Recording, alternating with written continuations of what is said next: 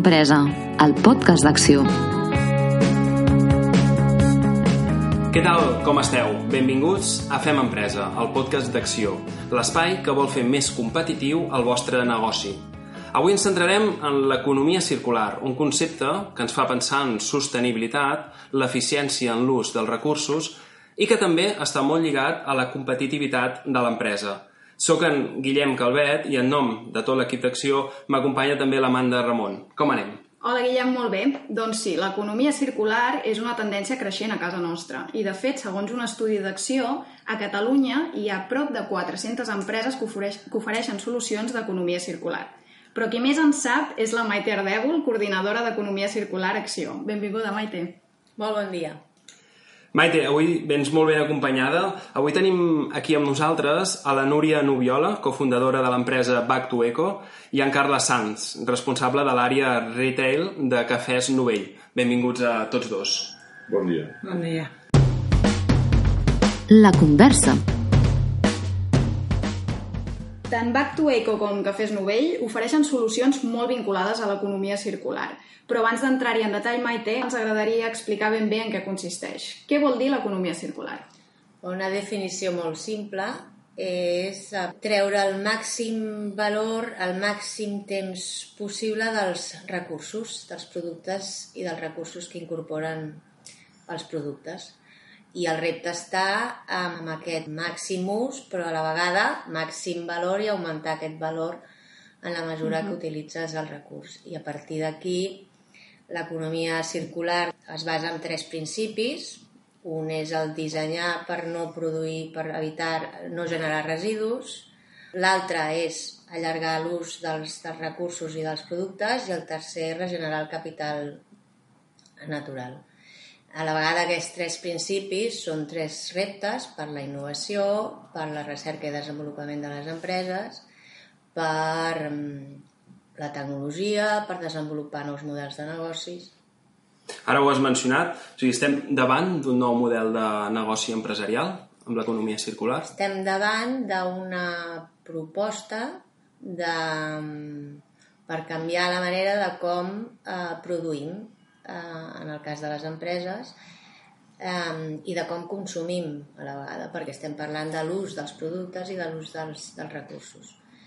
Eh, Quins beneficis ofereix per a les empreses? Pues les empreses pot oferir diferents beneficis, també en funció del, en el sector on operen, però en, en general podem parlar de que aplicar estratègies d'economia circular pot permetre a l'empresa reduir costos, generar nous ingressos a la que utilitzen com a recurs un residu que no, no s'utilitzava, s'estalvien taxes de, de gestió o, de, o de, del, del residu, si aquell residu es converteix en, en una matèria primera secundària, amb un recurs per a una altra empresa.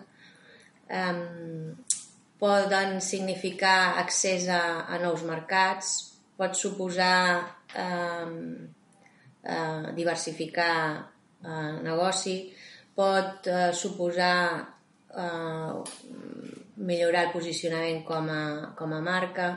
Eh, de fet, té un ampli pot tenir amplis ventalls, pot inclús introduir-la això en determinats països, segments de mercat que fins ara no, no, no, no operaven. Sí, de fet, la Fundació Ellen MacArthur, que està especialitzada en economia circular, calcula no, que es pot arribar a generar el doble de recursos per, per una empresa que amb el model lineal, diguéssim, el model antic, no? Sí, de fet, aquest canvi de model, un, de fet, en diversos estudis sobre, sobre previsió dels, dels guanys econòmics, per exemple, per Europa, eh, indicava mm -hmm. quasi un augment de dos punts percentuals del creixement del producte interior brut amb, amb l'aplicació de, de, de models i estratègies d'economia circular. Sí. sí, sí, no es tracta només de ser responsable, sinó que això també té un retorn per l'economia de la mateixa empresa. No? Uh, dèiem al començament que a casa nostra tenim unes 400 empreses ja que treballen en economia circular aquí a Catalunya. Back to Econ és una, Núria, Uh, vosaltres reprofiteu texans per crear bosses i altres complements. Com ho feu exactament? En què consisteix aquest procés? Bé, nosaltres vam començar doncs, a través de texans postconsumidor, que serien texans usats, eh, amb tallers doncs, convertir-los en bosses, davantals, tot tipus de productes. Llavors, farà un parell d'anys ja vam muntar una botiga taller amb el nostre taller propi i vam ampliar una mica i vam crear un concepte ben bé de circularitat de, del teixit dènim postconsum, que va des de la reparació del taxà a la pròpia botiga, als clients que venen, a realitzar tallers on ensenyem a la gent diferents formes d'aprofitar els seus texans vells, a tot el que són productes que venem a la botiga i també estem fent molta oferta per a empreses de merchandising, que cada cop s'atreveixen més, perquè les empreses ja busquen producció local, no? amb valors ambientals, etc. I farà dos anys vam tancar el cercle i vam iniciar un projecte on amb tot el residu taxà que havíem generat, que en aquell moment era una tona i mitja, eh, el, el vam processar, el vam triturar i el vam convertir en fil. I amb aquest fil, doncs, des de fa mig anyet, tenim un teixit que és ecoreciclat la, la composició i que una mica el valor per nosaltres és que l'hem produït a Catalunya i que el 60% d'aquests materials són d'aquí, perquè són residus d'aquí. que, que l'única cosa importada és una part de la fibra ecològica que, que composa aquest fil. I amb això doncs, hem aconseguit tancar el cercle i ara estem convidant els nostres clients a retornar-nos al producte al final del cicle de vida, no? per poder integrar-lo un altre cop en aquest, en aquest cercle de Back to Eco. A més a més, també teniu un component social, ja que compteu amb un programa d'integració per a persones amb risc d'exclusió social, oi? Sí. A veure, no som, la tip, no som els projectes aquests que fan itineraris d'inserció, que són dos anys, etc. però les tres persones que treballen actualment al taller han estat contractades a través de programes per persones que tenen un certificat de risc d'exclusió. I ja porten, dos persones porten dos anys i una porta un any i ja diguem que estan sortint d'aquesta situació no? de, de, de vulnerabilitat. Molt bé. Canviem de sector. Carles, com es treballa l'economia circular a Cafès Novell? Bé, a Cafès Novell l'economia circular la treballem des de diversos punts i diversos aspectes. El que nosaltres tenim una gran tradició, més que d'economia circular, d'empresa responsable. Nosaltres fa, ja fa molts anys que comprem cafè certificat de comerç just, cafè ecològic, de fet som líders a l'estat espanyol ja fa molt de temps, i amb l'objectiu d'aconseguir que tot el cafè que venem sigui certificat. No puguis triar eh, si el vols o no, sinó que haurà de ser certificat sí o sí. A banda d'això, el que també fa uns anys que estem desenvolupant és tot el tema de l'ecodisseny d'en- d'envasos com de complements. O sigui, ara mateix estem eh, canviant tots els complements, vasos, palatines, sucres, tot això perquè tot sigui compostable des de, des de qualsevol punt i des de qualsevol ús i bàsicament el que ens ha suposat una inversió molt forta i un canvi de paradigma bastant important i pensem que un producte bastant d'èxit són les càpsules aquestes compostables que són els que ens han fet una mica donar a conèixer entre el públic general. Eh? I com heu fet aquestes càpsules? Com es fabriquen, diguem? Bueno, aquestes càpsules es fabriquen... Dir que les càpsules no les fabriquem nosaltres, eh? les fabrica una empresa a Luxemburg. El que passa és que el que nosaltres sí que hem fet és tot l'estudi de I més D més I d'adaptar aquest material perquè poguessin ser càpsules de cafè. Aquest material té uns problemes de treballar-lo i té uns problemes de comportament després amb pressió i temperatura i el que hem fet és durant...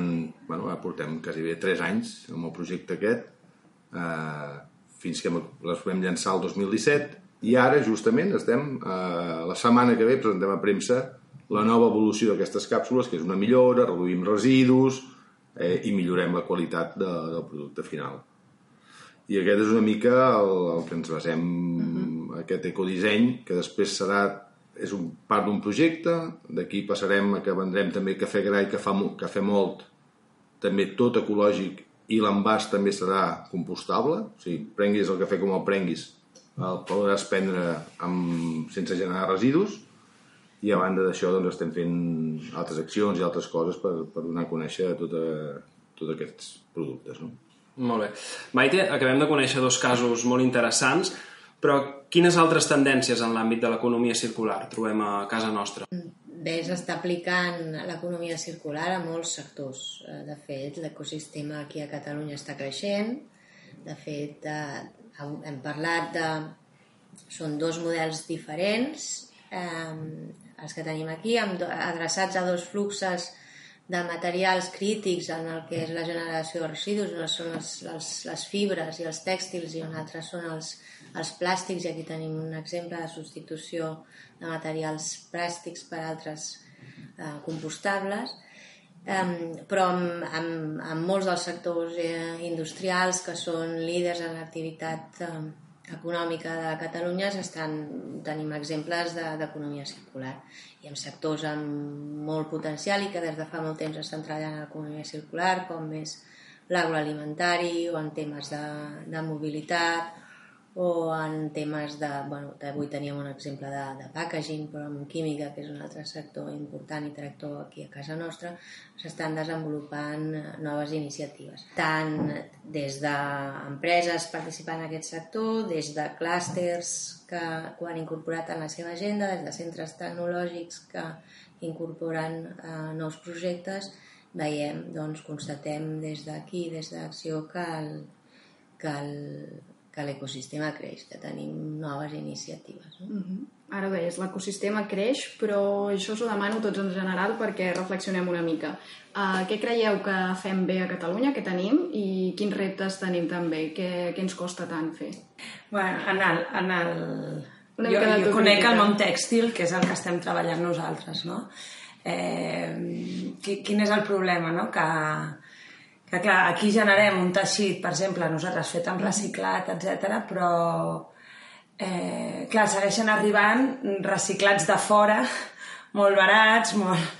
Llavors, clar, sempre, jo penso, eh, quan, quan, quan el producte reciclat, per exemple, hi hagi desgravació fiscal, no sé, és, és com un paradigma, no? Però dius, si els valors ambientals, la càpsula compostable, tot això, d'alguna manera hi hagués algun tipus de benefici fiscal, doncs seria una gran ajuda, no? Jo ho penso com una cosa molt pràctica, eh? molt, molt, molt simple, però també hi ha un tema de competitivitat de mercat, no? eh, però jo, a nivell tèxtil eh, és molt aquest sector, però sí que veiem que cada cop hi ha més empreses que estan integrant el reciclat, com avui, aquest matí vinc de dos rius de veure una empresa que fan samarretes de cotó i tal, i ens deien que sí, que hi ha o sigui, una part important de la seva producció ja ve de reciclat de, de, de cotó. O sigui, cada cop, jo crec que tot, no? la Maite ho deu veure, eh? però que les empreses ja ho veuen, que, que ho fan o moren, no? És el futur va per aquí. Com ho veus, Carles? No, jo, eh, enllaçant amb l'última frase que deia la Núria, jo, eh, jo fa temps que, que amb xerrades que fas o que vas o que d'això, jo penso que ja no té sentit parlar d'economia circular, té sentit parlar d'economia. O sigui, l'economia d'avui és aquesta. I o fas això o estàs fora del mercat. Jo penso, ens, què et dona? Doncs et dona poder estar al mercat i poder arribar a un tipus de consumidor que cada vegada més demanda que hi hagi uns valors afegits darrere el producte, a més a més del producte. I és cert que el tema aquest de la desgravació fiscal i tot això estaria molt bé, perquè és cert que els costos, quan nosaltres fer càpsules compostables o no fer-les, eh, el cost de fabricació no té res... A part de la inversió en desenvolupar-ho, el cost de fabricació no és el mateix ni molt menys, llavors has de posicionar el mercat a un preu de mercat, perquè si no també passes a ser, sí, molt sostenible, però el que no és sostenible per tu és l'àrea de negoci, amb la qual has de trobar, has de trobar aquest equilibri, no? I jo el que, que deies que tenim i que no tenim, jo penso que tenim molta gent amb moltes ganes de fer moltes coses i molta gent molt valenta de fer-ho, eh, tant empreses com microempreses com grans empreses que també estan desenvolupant projectes que estan molt bé i el que trobo que falta és que hi ha molt de desconeixement per part de la gent. I aquí jo a l'administració el que sempre li demanaria és que ens ajudi a comunicar els beneficis que suposa, que la gent sigui molt conscient de què vol dir comprar una bossa feta amb teixit sí, reciclat, Sí, sí. que, que suposa què suposa fer servir càpsules compostables o què suposa fer servir eh, un vas reutilitzable en comptes de fer servir un vas cada vegada tot això que la gent prengués consciència perquè quan expliques a la gent, nosaltres quan expliquem de les càpsules i els dius, no, és que llancem 19 milions de càpsules cada dia a Espanya que la gent diu, hosti, 19 milions de càpsules clar, però li ensenyes una imatge d'una muntanya de càpsules i clar, la gent, hòstia Ah, saps? Vull dir que la gent coneix i els conceptes també, eh? nosaltres expliquem que són compostables la gent no en té ni idea Ah, sí, eh? Oh, que curiós. Clar, és que aquestes coses, quan nosaltres a vegades ens passa, estem tan ficades en aquest Clar. món, que tot ens sembla com d'una lògica aplastant i després, mm, no sé, trobes a la sortida de l'escola i expliques nosaltres lo nostre a la gent. Ah, però podeu reciclar la roba? No, no. I venen a la botiga i els expliques aquesta bossa l'hem fet aquí amb, amb el resto del taxat. Ah, i el repte està en, en, en, en augmentar el valor de tot això a la societat, no? que la gent entengui que això... Mira, jo avui, llegint una mica abans de venir, he trobat una dada que dic ara que el canvi climàtic és com el gran... Sí. no? Mm -hmm. És el gran... I la Fundació Ellen MacArthur deia el 55% ve dels combustibles fòssils, com si fossin el canvi a renovables. Però el 45%, que és el restant, va lligat a la producció, de, a la generació de productes, al consum, Habitual, mm, que pot ser alimentari, però mm, roba, eh, no? tot aquests gots, tot, tot, tot el que tenim al nostre voltant. No? I llavors, pues, bueno, el càlcul d'emissions, no? Les... jo crec que a nosaltres, per exemple, els plàstics, els microplàstics, és l'altre gran tema que la gent s'està sensibilitzant. O sigui, hi ha temes que arriben més, més d'una forma més impactant sobre, sobre la població, no? El tema és veure'ls que, que més enllà de sensibilitzar-te has de passar l'acció. Tant empreses com, com ciutadania. Jo crec que un dels reptes és aquest, sensibilitzar, i el dels altres és recolzar, és a dir, que, el, que les empreses tinguin l'incentiu econòmic per poder fer aplicar aquestes polítiques i aquestes estratègies, i això és donant suport a, a nous projectes, noves activitats, nous negocis vinculats a economia circular i a, i a, i a la recerca, al desenvolupament i a innovació empresarial mm -hmm. en aquest àmbit i també millorant pues, eh, els incentius fiscals eh, per, la, per, la, per el desenvolupament d'aquest tipus de, de projectes i d'iniciatives, és a dir, que puguin eh, desenvolupar aquest tipus de projectes de forma competitiva, que són projectes que normalment tenen un retorn, no sé en el vostre cas, però a mig i llarg termini, perquè ah, parlàvem sí. de 3 anys d'inversió de desenvolupament d'un nou, nou projecte. Quants anys porteu vosaltres engegant? I... I que ens costa, som molt petites, ens ha costat això. ens ha costat la vida. Segurament, jo revisant el marc regulatori també hi haurien temes de, per agilitzar per part de l'administració, mm -hmm. um, per exemple, la figura de, de subproducte perquè fos més àgil, més fàcil per a les empreses, doncs...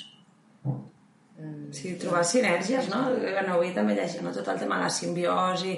No? Nosaltres hem treballat molt amb, amb sinergies, amb teixidors, amb, amb filadors. Ara, per exemple, estem en una nova fase de, bueno, a veure ara cap a on avancem. Pues estem amb l'UPC parlant que hi ha l'enginyeria tèxtil, pues les hem anat a veure, escolta, a veure si de vosaltres amb la mà podríem... No? Tota la part aquesta, jo crec que però el, el tema és que tot el que és innovació té, té un cost i un risc. Clar. Un risc, perquè clar, estàs ficant molts diners i no saps si, si allò resultarà. I sobretot jo penso que les empreses tan grans com vosaltres, no? Eh... Som, som tan grans, eh? bueno, però aquestes empreses més eh? grans... Mm, clar, per un costat tenen molts diners, però fer canvis en la cadena de producció... No? Jo penso en les farmacèutiques, molt, no? Eh, jo, per exemple, tinc diabetis i rebo molt material plastificat jo genero una de residus de mat i, i no es recicla, no, no, no redueixen envasos, no arribem... I clar, aquesta gent per canviar totes les cadenes i els materials i tot això, doncs han de veure un incentiu clar amb... No? Sí, I... o, bé per, o bé per la regulació o bé perquè hi ha un incentiu econòmic, sigui via ajut, sigui via desgravació fiscal, ah. sigui oportunitat de mercat perquè estàs ocupant un nítxol que ningú ocupa i tu ets diferent, sigui perquè. Molt bé. Per anar, per, per anar tancant amb una mirada també allò positiva, diguéssim, encara més positiva, per aquella empresa que encara no n'està convençut o convençuda d'aplicar polítiques d'economia circular, quins, quins consells li, li donaríeu per engegar-ho, per convèncer-lo, més enllà de l'àmbit ambiental? Eh? Quins, quins consells li, li diríeu? Jo el que penso és que, com deia abans, és que és el que toca. O sigui, jo penso que ningú crearia ara una empresa, o almenys jo si hagués de crear una empresa de zero, eh, no, no contemplaria la seva creació si no fos basant-me en aquests pilars que estem parlant. Perquè penso que no tens, no tens futur, perquè justament el has de buscar és diferenciar-te d'alguna manera, i el que és cert és que nosaltres ho veiem, el, el públic, com més jove és, més sensible és a aquestes coses. Eh, la gent aquesta creix, eh, per sort, i ens trobarem d'aquí no massa que la gent que ara té 15 anys que és supersensible serà gent que ja prendrà decisió de compra Clar. i si no li ofereixes el que volen l'altre dia llegia que un 65% de la gent de menys de 20 anys compra coses pel que són i per la història i pels valors que identifiquen a la marca Uau. o sigui que a part del que tu ofereixis, com aquest got és molt xulo, però explica'm tu qui ets i per què el fas així, i d'on te vens i tot això. I això ells és un valor que fins ara no es movia, o no era un valor tangible, i ells l'estan convertint en tangible. I jo penso que aquí, i per això em repeteixo una mica, és que sóc pesat, però jo penso que més que en el moment de l'economia circular, estem en el moment que ens fa falta màrqueting circular. Hem de ser capaços de comunicar tot això perquè la gent ho entengui perfectament. I això és el que no existeix ara mateix. Hi ha molta gent, molts gurús, molts experts, molt d'això en economia circular, però que dius, molt bé, però ensenya'm a comunicar això, perquè no s'ha de comunicar com es comunicava abans. Hem de comunicar d'una altra manera. I aquí és on hi ha un, un Un embut repte, un repte. que no, que no hi ha ningú que et sàpiga dir, ostres, pues, tothom està d'acord en que fa falta, però no trobem eh, la solució a això. Està bé aquesta reflexió, eh? sí, sí, és un repte. Nosaltres, que tenim la botiga, es veu molt, no? La gent ve i dic, aquí ho entenen, no? L'economia circular, perquè els expliques, no? El taxar que anava al contenidor, puc... La sensibilització l'has aprofitat que tot. Però a nivell, jo també a nivell d'empreses que, mm, que comencen, també afegiria que, clar, doncs, eh, recursos, no? El món globalitzat, que tot depèn de fora, que, doncs, per exemple, el món tèxtil, eh, doncs tens l'oportunitat de trobar una matèria prima a baix cost, eh, al costat de casa, no?